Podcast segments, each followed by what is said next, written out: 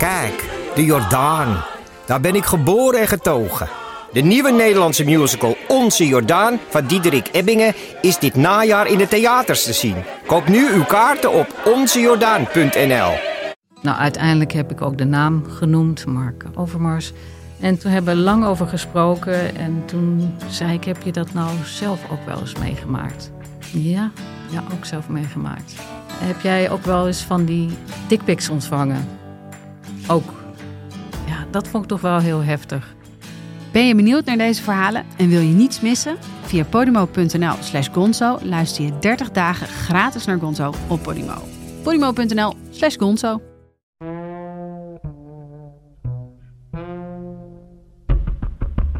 Welkom bij deze speciale podcast van de Groene Amsterdammer.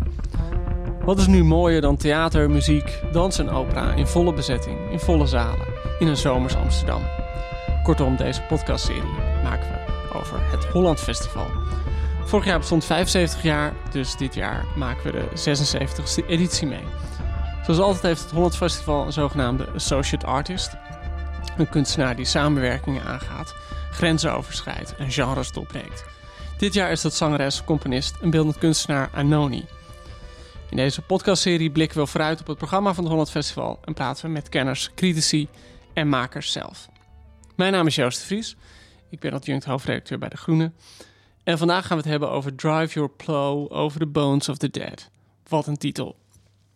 Een toneelstuk van gezelschap Complicité, geregisseerd door Simon McBurney, naar de beroemde roman van Nobelprijswinnares Olga Tokarczuk. Drive Your Plow, om het even kort te houden, is het verhaal van Janina Duzhenko, zestiger, woonachtig in de Poolse bossen. Ze houdt van dieren, ze haat jagers, ze gelooft in de horoscoop, in de stand van de planeten. Ze gelooft dat natuur met ons communiceert op meer manieren dan wij het doorhebben.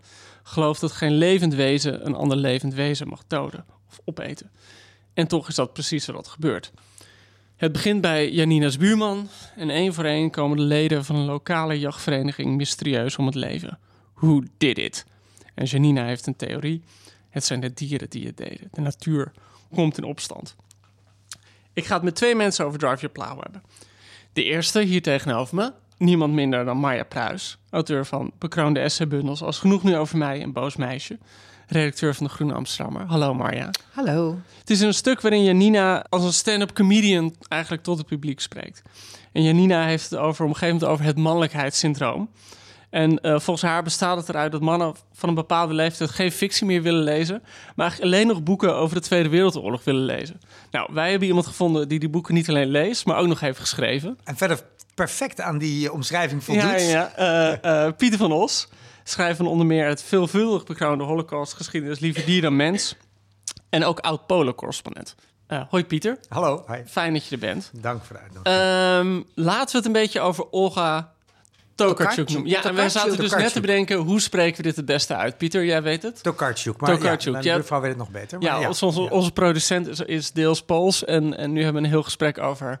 Opeens word je dan zo heel zelfbewust van... spreken we niet al die tijd de naam verkeerd uit. En je moet ook dus zeggen Olga. Olga. Ja, we gaan zeker die titels niet in het Pools noemen. Nee, dat gaan we zeker niet doen. Nee. Um, in 2019 kreeg Olga Tokarczuk de Nobelprijs. Marja, was dat voor jou verwacht? Het was onverwacht in die zin dat ik de schrijfster eerlijk gezegd niet zo goed kende. Ik had wel dat hele dikke boek van haar zien staan. De Jacobsboeken. Maar daar had ik me nog niet helemaal aan gewaagd. Het was voor mij eigenlijk best een exotische naam. Maar dat gebeurt natuurlijk wel vaker met de Nobelprijs. Maar als je haar beziet in het rijtje van met name vrouwelijke Nobelprijswinnaars van de literatuur, dan past zij daar wel helemaal in. Op wat voor manier past ze erin dan? Omdat het eigenlijk, als je denkt aan Doris Lessing, Herta Müller, uh, Svetlana Alexievich, uh, Elfriede Jelinek, dan zie je zo'n uh, toch wel een feministische, subversieve stem. En zoals ik Olga Tokarczuk inmiddels heb leren kennen, past zij helemaal in dat beeld van een vrouw die bleek blijkbaar in Polen al een gevreesd criticus was van het regime en zich in allerlei polemieken uh, begaf. Dat wist ik dus allemaal niet. En ook als je dit boek leest, ik zeg even de Nederlandse titel, Jaag je ploeg over de botten van de doden, dan voel ik ook wel die aan gekte grenzende woede van de verteller over hoe de wereld is. Dus wat dat betreft is het, denk ik, heel erg passend en wel ook billig dat ze die prijs won. Ja, dat zat, denk ik met één boek. ehm, de Rusteloze heette dat in het Nederlands. En daar had ze de Man Booker Prize International ja, mee dat gewonnen. betreft was, er wel al een dus, naam. dus in Ja. die zin ging haar naam een beetje Ja. rond, maar Ja. dat, dat was nog heel bescheiden. Ja. En eh, Won ze hem niet in dat jaar samen met Peter Handke? Ja, maar eh, dat was het ja, jaar dat, Ja. dat de Nobelprijs een jaar niet was uitgereikt door allerlei Ja. MeToo-schandalen. En toen in 2019 werden er twee uitgedeeld. Dus eentje voor Peter Handke en eentje voor, voor haar. Hoe zou je haar werk typeren? Nou, eerlijk gezegd heb ik die andere boeken van haar niet gelezen. En is dit, eh, zou je kunnen zeggen, een vrij traditionele vertelling. Ik bedoel, het heeft het format van een soort detective. Maar er zit iets heel weerbarstigs in. Ik voel een soort absurdisme erin. Ik associeer het ook wel heel erg met Oost-Europese literatuur. Eh, natuur speelt een grote rol. Ehm, dus ik denk, ja, hoe zou ik haar werk typeren? Ik denk, eh, Hoe, hoe, als een soort groteske toch? Ja, want, want dat, dat is natuurlijk een van de dingen die. die ik, ik moet zeggen, ik heb het stuk al gezien. Ik ben naar Londen geweest. eh, dus ik heb het, en het, het heeft bijna een soort. Ja, eh, de, de hoofdrolspeelster heeft een microfoon, een staande microfoon, waar ze af en toe naartoe loopt en waar, waarvan ze de zaal toespreekt. Bijna een soort stand-up comedian. Ja. En, en het is natuurlijk een. Die, die Janina is heel grappig. Mhm. in hoe ze, ze heeft allerlei meningen over alles en iedereen. Ehm, en tegelijkertijd vraag je ook dat af. Ze heeft ook hele vergezochte theorieën over de stand van de sterren. En, of tenminste vergezocht. Maar ze heeft een Als je erin gelooft, is het niet Ja, ver. Maar ja. ze heeft een heel eigen Ja, wereldbeeld. Had jij ook dat je dat las, dat je dacht van... Goh, zou dat Tokarczuk's eigen wereldbeeld zijn? Of... Nou, het is denk ik een manier om je, om je kritiek op de, op de wereld, op de maatschappij, om die te, op een speelse manier te verwoorden, denk ik. En ik vond dat ook het aantrekkelijke aan het boek. Eigenlijk het meest aantrekkelijke vond ik dat die terzijdes van de verteller over eh, waar we ons bevinden en eh, in hoeverre we zijn overgeleverd aan de gekte van mannen van een bepaalde leeftijd. En aan eh, cannibalistisch gedrag. Of weet je wel. algemeen komen mannen er niet heel goed vanaf. Nee, en dat is echt best wel hardcore feministisch ook, zoals die verteller zich tekeer gaat.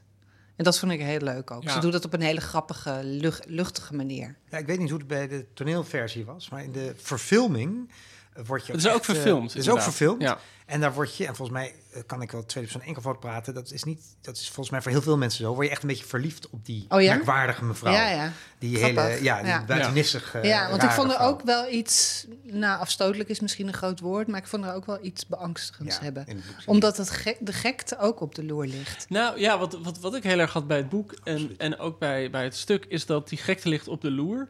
En al was het door, ja, al was, al was ehm, Janina niet zo charmant geweest en ook zo grappig, dan had je gewoon gedacht wegwezen. Dan had je gedacht, dit is, een, dit is een, niet iemand waarmee je in gesprek moet gaan. Ja. Want dat is zo iemand die je aanklapt op het parkeerterrein en dan kom je nooit meer vanaf. Ik vind het wat dat betreft ook wel een gouden fonds van de schrijfster om juist een zestiger als personage te kiezen. Er zijn eigenlijk niet zoveel vrouwelijke zestigers als hoofdvertellers in romans. En zij voert haar ook echt op als iemand die toch al een beetje buiten de maatschappij staat, spottend is. En naar wie eigenlijk ook helemaal niet meer geluisterd wordt. En die zich dus heel veel kan, kan veroorloven. Ja. Dat ja, er vind ik zitten heel veel lange ja. brieven in die ze de hele tijd opschrijven. Ja, niemand neemt haar serieus. politie. En Iedereen niemand, denkt, ach, dat oude wijf, laat die maar een beetje bazelen. Ja. ja. Nee, zo, precies. Mooi, mooi verwoord, wat ik ook dacht toen ik het las. Hey, en, en Pieter, eh, om dit aan jou te vragen, die, een van de grote dingen waar Janina zich tegen verzet is eh, de Poolse mannelijkheid, om het even zo te noemen. Eh, hoe zou je die Poolse mannelijkheid typeren? Ja, To, dat is een. ehm, Kijk, we hebben volgens mij, zeker in Nederland, allemaal wel een beeld van Poolse mannen die eh, de muur stukken en dan daarna in slaap vallen. Oh, ik, toen ik in Pol- Polen woonde, had ik een man die bij mij thuis iets ging maken. En die bakte er helemaal niks van. En toen ik er heel voorzichtig iets over zei, zei hij... Well, you know, everything, everybody who's handy is in your country. Eh, Ja. zei- maar wat leuker was, want die zei wat er meer Dus typeert de goede Poolse man. Poolse ja, die waren al vertrokken. die, waren, Oh, in Nederland. En, ja. Maar hij zei wel iets heel aardigs. Sinds op een gegeven moment bood ik hem, want ik vond hem wel aardig. Eh, hij deed er dus heel lang over. En toen was het toch vijf uur. En toen bood ik hem een biertje aan. Hij zei, yes, yes. En zei, no, no, no, no, no, no, no. no. I, I, don't, I don't like one beer. I only like five beers. And that is not a good plan. Zo, ehm, de, de, de Poolse man die vindt het helemaal niet erg. De, veel van de Poolse mannen om hun eigen zwaktes breed te etaleren. Maar dat, dat- tegelijk kunnen ze vrouwenvriendelijk blijven. Hè? Dus je, ze zullen zichzelf niet ophemelen. Maar Poolse vrouwen, is toch altijd nog iets ergers. En de aantal grappen die er bestaan over vrouwen, echtgenoten die zeuren, die hebben we in Nederland ook. Maar in Polen zijn die grappen... eh, Dat zijn de enige grappen. ja, zo ongeveer. de Ja. Dat zijn, dat zijn, nou, ze- maar dan wil ik direct kanttekening maken. En daarom vrees ik bij zo'n vraag al van... ik ga dat dan wat langdradig worden. Maar kijk, dat beeld van de Stucadoorpol... dat heb je ook wel bepaalde vluchten. Die goedkope vluchten van Krakau naar Nederland. Ja. Waar de biertjes, is mij verteld, heb ik nooit meegemaakt. Maar de biertjes worden door het gangpad gerold, zeg maar. Dan kunnen ze de stewardesses niet op de billen slaan. Dat werkt. maar, maar... Het is, je hebt wel Polen A en Polen B. Ik kijk ook binnen, jij bent half Pools. hè? De, de- Polen zelf hebben het altijd over Polen Procent. Alma is nog niet boos weggelopen. Dat, dat, Ja. gaat, Oh. Oké, oké, oké. En, en Ja. Polen A is natuurlijk ja, ook allemaal heel veel Polen die ook weggelopen zijn. Nou, we kennen allemaal Chopin en Conrad en ehm, Polanski. En de, eh, zoals Hubert Smeets, ooit hoofdredacteur van de Groene Amsterdammer, zei: geen beter gezelschap dan dat van een Poolse intellectueel. En dat is wel een beetje waar. Hè, met de Nobelprijswinnaars literatuur eh, staan ze ook 5-0 voor op Nederland. Als je Vinger, Singer een Pool noemt, dan staan ze 6-0 voor. Ja. Hè, dus daar is een heel. eh, het culturele en literaire leven in Polen staat op een heel hoog niveau. Dus dan is het moeilijk als ik dan grappen ga maken over stucadoor Polen, die je wel Ja, degelijk ja, ja. tegenkomt. Dan ja, kan ik niet anders dan daarbij zeggen dat je want- Polen A en Polen B hebt. O- Ook om, om niet eh, Olga eh Tokarczuk verkeerd weg te zetten. Bijvoorbeeld haar, haar grote roman De Rusteloze. Dat, is een, dat noemde ze zelf een constellatieroman. Dat is een mooie term. Waarin het verhaal wordt gevormd door een aantal losse verhalen... die afwisselend door elkaar heen verteld worden... die op hele grote afstand van elkaar bevinden. Niet alleen fysiek, maar ook sommige spelen zich echt in het verleden af. Andere nu, sommige op een zomerse vakantieadres... andere op een eh, vluchtelingen in Berlijn. En je hebt ook een heel mooi verhaal zit erin over Chopin Ja. op de vlucht. eh, Ja. Of eigenlijk als, als, als banneling naar Parijs vertrokken. Ja, En hoe zijn hart, nadat hij is overleden, weer wordt teruggebracht naar Polen. Ik bedoel, dat is dat, gek genoeg, is dat toch ook waar je, waar je vaak bij Polen aan denkt. Aan dat soort grote, absoluut. romantische. Absoluut. Om, pathos. ja, en, Eh, en het is een enorme open deur voor, voor Polenkenners, maar ik ga hem toch eh, intrappen. Is dat omdat er in de 19e eeuw geen Polen was, maar wel een Pools nationalisme. En dat was een elitaire zaak. Het was ook een beetje een emancipatoire zaak. Dus mensen die Pools spraken in Polen en gewoon boer waren en zeiden: Ik ben van Hiro. Daar is ook een Pools woord voor, Tuchezi, Tutezi. En dat mensen die zeiden: Ja, ik ben van niks. Ik ben geen Jood, ik ben geen Ruteen, ik ben geen Oekraïner, ik ben geen Pool, ik ben gewoon van hier. Nou, die werden ge- geëmancipeerd, het ware- als het ware, tot, het, tot de Poolse nationale zaak gebracht door kunstenaars. Schilders, dichters, schrijvers. En ehm, eh, omdat er geen Polen was, dat zegt Tokarczuk ook wel ergens, eh, konden ze ook niet anders dan daar hele serieuze zaak van maken. Van dat Poolse nationalisme. En dus ook de Poolse cultuur die erbij hoort. Ja, maar dan is ook dat Polen actief gecreëerd moet worden de hele Ja. tijd in kunst en, Ja. en cultuur. Precies, precies. Eh, meer dan landen die toch wel bestonden. Ja, Hè, dus ja, ook al gaat het niet goed met die cultuur, Engeland is er wel. Hè? Ja, het is ja. gewoon een eiland. En, nee, dus dat, dat is zeker waar. En voor die, het is ook soms wel eens raar om te zien dat het Poolse nationalisme van nu, daar lopen heel veel, laten we dan maar even de stucadoorman noemen, hoe pedant dat misschien Ja. ook klinkt. Ehm, daar wordt Olga Tokarczuk ook heel ongelukkig van. En die zegt, dat is een, die, dat is een zelf... ehm, ja, zichzelf opblazend beeld van Polen. Zij noemt het ergens, ik heb een interview met haar gelezen in het Engels. En daar heeft ze het over de self-glorifying glorifying nationalism. En dat is, een, dat is maar een bepaald eh, beeld van Polen. ehm, die lijken te winnen in het nationale eh, debat in Polen.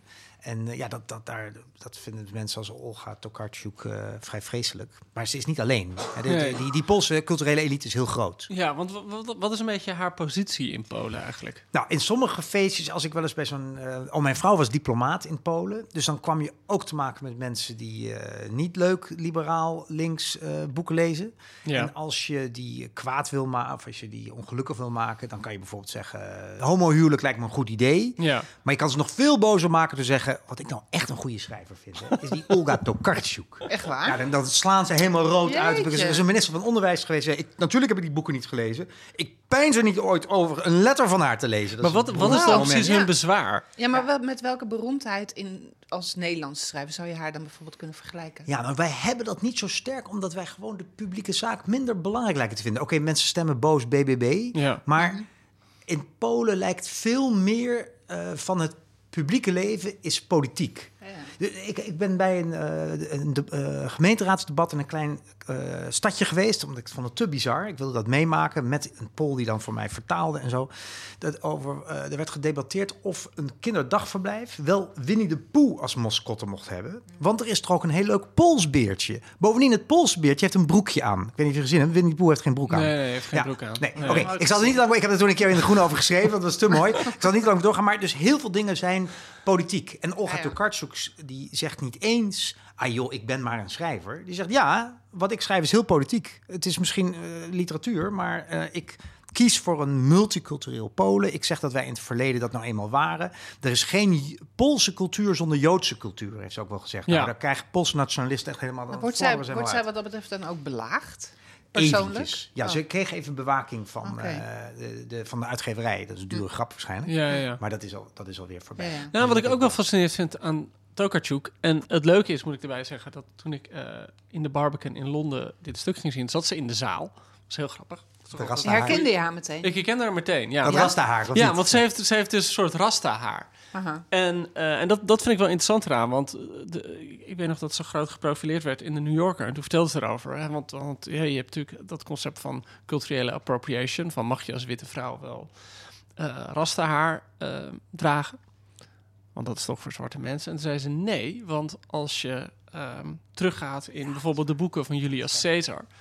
het gedenkschriften, beschrijft hij dit type haar bij de Poolse mensen die daar rondlopen. En het heeft ook, sorry, de La- Latijn is me even ontschoten. Het Er is ook een term Ja, voor zo'n huppelde polonica. Ja, iets van Ja. Poloonse dracht of zo. En daar hoort dat haar dus bij. Dus wat, dus wat ik wel interessant vind in, in die zin aan het ook is dat ze dus heel, eh, zou je kunnen zeggen, cosmopolitisch is. Ze schrijft heel erg over vluchtelingen, over reizen, over cultuur die veel verder gaat dan één land. Maar zich wel degelijk echt als een Pool opstelt en identificeert. Ja. En, en niet doet van ik ben een grote cosmopoliet, wat ze ongetwijfeld is.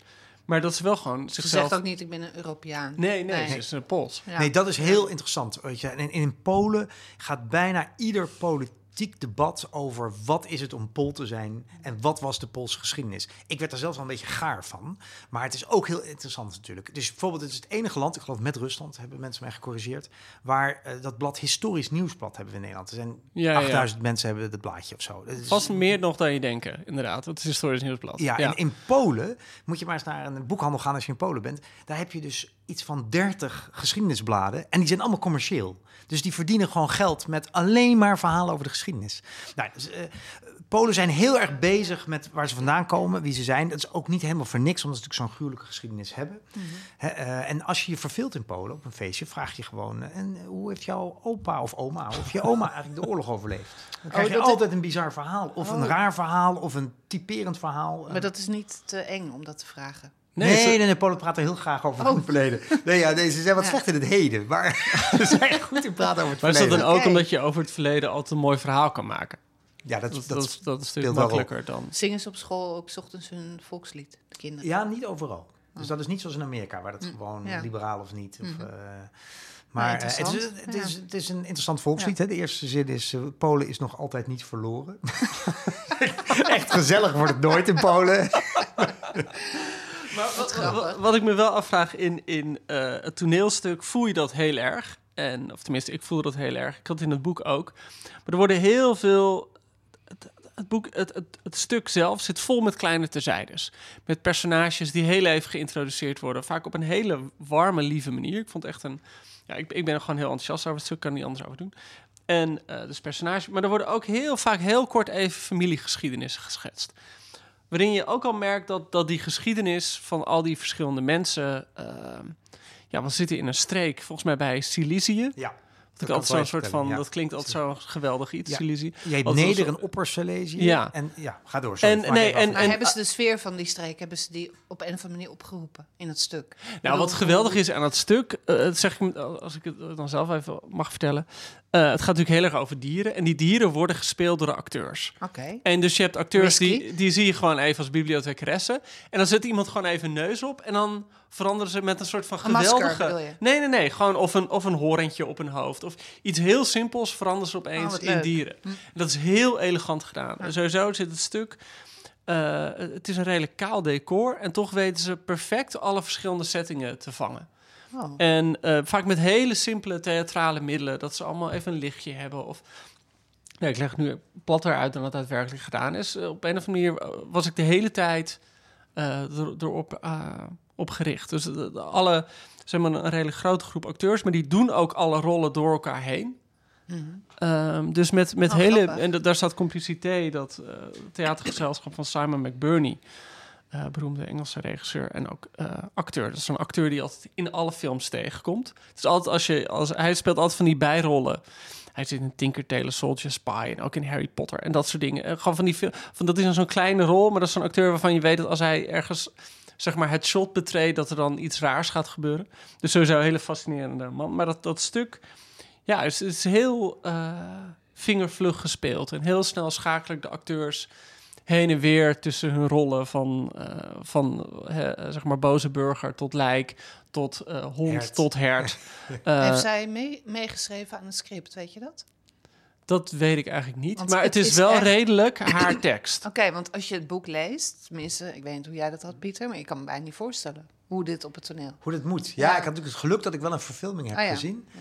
Hey, dit klinkt nog veel spannender dan die verfilming, hoor. Wat Joost nu eh, beschrijft. Nou ja, veel, en, veel en kijk, het heeft natuurlijk het boek heeft gewoon een ik-persoon. En dat heeft het toneelstuk ook. Dus de- ze spreekt, ze Ja, dat neemt je gewoon mee in de vertelling. zei. En, Ja. ehm, Ja.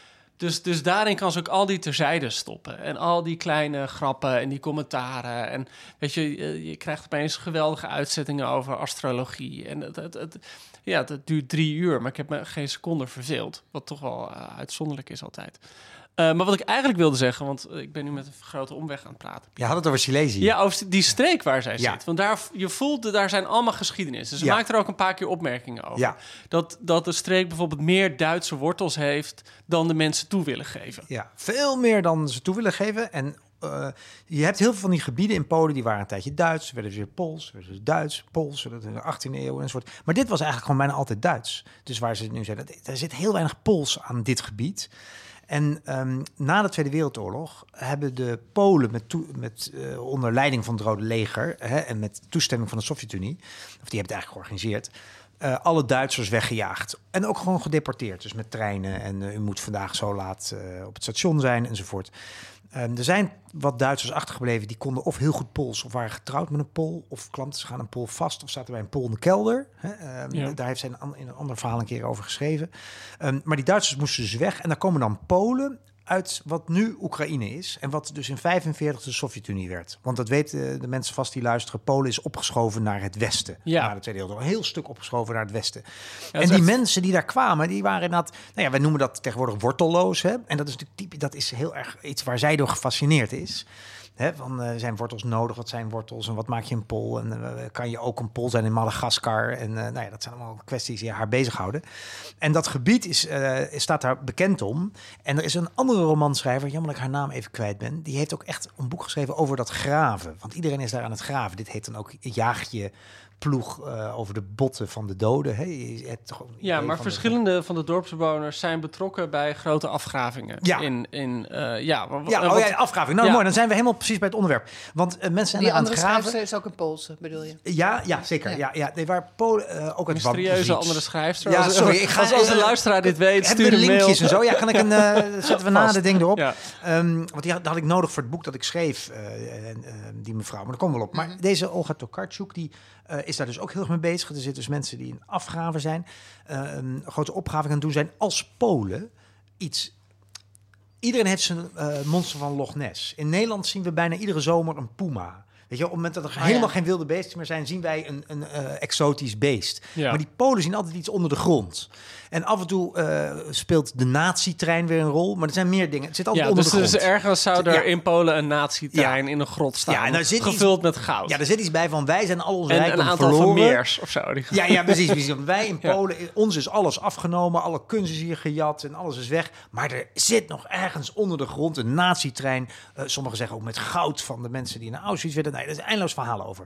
Altijd met de oorlog te maken, altijd met bloed en dood. En, eh, eh, en, maar er wordt ook gegraven in dit gebied. Gewoon, er waren gewoon mijnen hè, naar kool. Die mijnen zijn gesloten, maar er zijn nog steeds mensen individueel aan het graven. Dus als je dan rondrijdt, zie je eh, van die afgegraven kuilen. Ja, van die, zie je gewoon kuilen waar mensen op zoek zijn gaan naar kool dat vrij dicht onder de grond ligt. Wat ook wel brandt. Het is heel smerig. Heel maar, eh, merkwaardig, ja. Dus het is een, eh, een cultuur waar ze bezig zijn met wat hun wortels zijn, omdat ze die niet hebben. Dit is een beetje metaforisch gezegd, maar zo zal Olga Tokarczuk het zeggen, denk ik. En ehm, eh, lang dag durfden mensen hun- doden ook niet te begraven in dit gebied. Eh, tot in de jaren 50. Want ze dachten, ja, we mogen hier nu even zitten in deze chique Duitse huizen. Veel chiquer dan waar ze vandaan kwamen, het, eh, het huidige Oekraïne. Ehm, maar ja, op een gegeven moment zullen we wel weer weg moeten. Dus ja, En dan wil je je doden niet achterlaten. nee, precies. Dus, eh, maar wat, ik, wat ik dan ook wel fascinerend vind, is dat uh, Tokarczuk's grote doorbraak, internationaal tenminste, met de rusteloze, dat gaat natuurlijk heel erg over uh, het permanent op drift zijn. En het niet ergens wortelen, uh, maar gewoon... He ik bedoel, dat het een boek dat gaat echt over migratie, over vluchtelingen. Uh, het gaat over mensen die niet meer thuis kunnen komen. Um, dus, dus dat staat dan redelijk haaks op dat, die worteldrang waar zoveel Polen... Ja, misschien is er dus geen worteldrang, maar inderdaad haar fascinatie daarmee. Met, uh, dus morgen gezegd mensen op drift, want ook die uh, Frank uit de, de Jacobsboeken... Dat is een oh, reizende ja. messias. Ja. dat is een, uh, en die reist dat hele gebied af. Litouwen, je had het Pools-Litouws gemene best. Een enorm dubbelmonarchie eigenlijk. Ja. En ja, uh, dat, dus je hebt gelijk hoor. Het gaat over op drift zijn. Uh, maar ze is duidelijk wel gefascineerd door um, het, die worteldrang van anderen. Ja. En um, de mogelijkheid het zonder te doen. Want jij vertelde, voordat, op, dat de, voordat we begonnen met opnemen... dat de rusteloze een Russische titel heeft die naar ja. een secte verwijst. Wat is dat dan? Ja, en dan, oh, dan ga jij me vast helpen. Ja, Bieguni. Dat spreek je misschien anders uit. Maar dat was een Russische secte van mensen die dachten... Als Zo heet het boek in het Russisch? Ja. Oké. Okay, ja, ja. Als, je, als je niet op pad bent, als je niet, uh, ja, als je niet op pad bent, nodig je het kwaad uit. Dus als je te lang op één plek gaat zitten, dan komen de boze geesten op je af. Dus je moet op drift zijn. Het is, een, uh, dat is als het ware een imperatief. Dus die secte was ook heet op drift. Mooi, het klinkt ook wel zo zwaar Oost-Europees mystiek. Ja. Dit. Ja. Mooi. Hoe zie jij die Janina? Hoe, hoe, in hoeverre geloof je haar? In de uh, zin van... Ja, nou, we hadden het eigenlijk net al even erover. Ja. Het is natuurlijk zo'n vrouw op de, waarvan je de hele tijd afvraagt... op de grens van gekte of niet. Ja, het is iemand die zich wel, denk ik, vrij gemarginaliseerd voelt... en tegelijkertijd overal lak aan heeft. Dus ook een enorme drive heeft. Uh, ik, ik zat nog even te zoeken naar een stukje waarin ze dus iets zegt over mannen in het algemeen. Vind ik wel een grappig stukje. Uh, ze zegt: Met sommige mensen, vooral die van het mannelijk geslacht, kost het moeite om een gesprek te voeren. Daar heb ik wel een theorie over. En dan theorie staat met de hoofdletter T. Veel mannen vallen naarmate ze ouder worden ten prooi aan testosteronautisme. Dat zich uit in het langzaam afnemen van sociale intelligentie en communicatieve vaardigheden. En ook het formuleren van gedachten wordt aangetast. Iemand die last heeft van die kwaal, en kwaal staat dan weer met de hoofdletter K, wordt zwijgzaam en lijkt in gedachten verzonken. Hij heeft meer belangstelling voor allerlei gereedschap, hoofdletter G, en machines. Nou ja, en dan komt dus ook die belangstelling voor de Tweede Wereldoorlog en alle misdadigers en biografie van bekende mensen. Uh, zijn vaardigheid om romans te lezen verdwijnt helemaal. Testosteronautisme verstoort het psychologisch begrip van de personages. Ik ben een beetje hypochondrisch. En als ik dit hoor, denk ik, ai, dit is wel aan de gang bij mij. Ja, okay. ja, ik denk gewoon, ik heb dit weekend een hele mooie boor gekocht. Waar ik gewoon heel tevreden over was. Ja. Ik wil nu een schuurmachine. Uh, ja. Maar goed, ik lees ook gewoon keurig mijn romans. Zoals, uh, is het een, een, feministische heldin? Zeker, zeker feministisch. Ja, dat zei ik net volgens mij. Ik vind haar best wel hardcore feministisch. Zij denkt wel echt dat het veel kwaad in de wereld afkomstig is van jagers. En dat zijn niet toevallig mannen. Oké. Okay. En, en, en, daar is misschien wel leuk bij te zeggen, ik denk dat, dat in Polen... We hebben natuurlijk een beeld van Polen omdat nationalisten daar aan de macht zijn. We kennen uh, lompe Polen hier in Nederland, af en uh, iedere, ieder persoon ook wel. Maar uh, de wereld van hardcore feministen, zoals jij noemt, is absoluut aanwezig in, in Polen. Um, ik vroeg me dat ook nog wel af. Hoe laat zij van zich horen gewoon in... Ze heeft echt fans. Als ja? zij ergens signeert, dan staan er rijen buiten Mhm, mm -hmm. de boekhandel. Okay. En uh, nou heeft niet iedereen rasta haar, maar nee. je ziet wel veel uh, interessant uitgedoste uh, alternatieve oh, ja. mensen tussen 20 en 40. Mhm. Mm -hmm. Terwijl ze zelf een stuk ouder is dan dat. Ja, hoe oud is ze eigenlijk? Ja, ze is nu toch al wel bijna 60, denk ik. Oh, ja. Ja. Um, dus dus en dat, dat deel van Polen bestaat ook gewoon. Dat zien wij gewoon niet zoveel. Daar, um, maar het zit ook wel in het toneelstuk zit het er ook wel duidelijk in dat Janina uh, eh, hè, die, die titel Jaag je ploeg over de botten van de doden komt van William Blake. Eh, zij geeft Engelse les en ze heeft gewoon een klein groepje, het zijn er niet veel, maar ze heeft een paar studenten die daar wel helemaal geïnteresseerd in zijn. En daar gaat ze heel kostbaar gaat ze daarmee om. En heel, heel voelt meteen aan als een soort van kleine intieme gemeenschap die ze met drie of vier eh, studenten heeft. Ja, Omdat ze-. Ja, omdat Ja. ze echt zo de, de, eh, de bondgenoten zijn Ja. in dat vreemde land waar zo weinig ruimte voor ze lijkt Ja. te zijn. Lijkt te zijn, terwijl de, de beste vakgroepen Jiddisch nu zijn ook in Polen. Ja. Het is, eh, er gebeurt van alles. Ja, Ook- dan moet je natuurlijk wel erbij zeggen dat ze eh, niet dat ze ver van de grote het speelt zich ver van de grote steden en Ja, de dus daar universiteiten een af. klein... eh, Dus daar zit, zit een klein bijzonder groepje. Ja, en in Warschau is dat weer anders. Ja. Wat me wel opviel, dat, dat wil ik nog even zeggen, dat nam me namelijk heel erg voor haar in. Was dat, eh nou, het- kreeg een enorme ovatie. Het stuk. Het stuk in, in de Barbican. En toen zei de hoofdrolspeelster eh, even van ik wil graag even eh, spotlight, want de schrijfster zit in de zaal. En, eh, dus iedereen staan en kijken. En daar ging ze heel bescheiden mee om. Dus was duidelijk. Ik bedoel, je hebt ook mensen die zeg maar Die gaan staan. die gaan staan en die gaan de buiging maken. En, en Tokarczuk was duidelijk een beetje geneer, gegeneerd om zo eh, die Bleef lof ze over zich heen te Ze bleef, ze bleef zitten, zat Oh. een beetje zo. Oh, Eh, nee, was, eh was buitengewoon goed aardig. leuk. Ik ben echt benieuwd naar het stuk. Ik ben ook heel benieuwd naar het stuk. Ik hoop dat jullie het gaan zien. Ik wil jullie heel erg bedanken voor de podcast. Marja Pruis en Pieter van. Os. Dankjewel. Heel fijn dat jullie er al bij waren.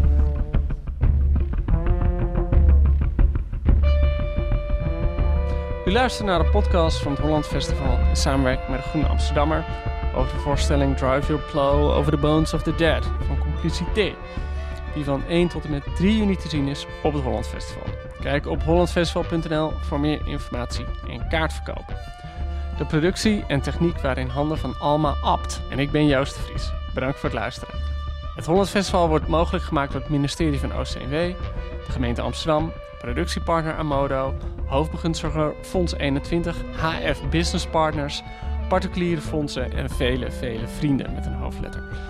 Drive Your Plow wordt mede mogelijk gemaakt door de stichting Zabawas, Poolse ambassade en is onderdeel van het Amodo Holland Festivalreeks.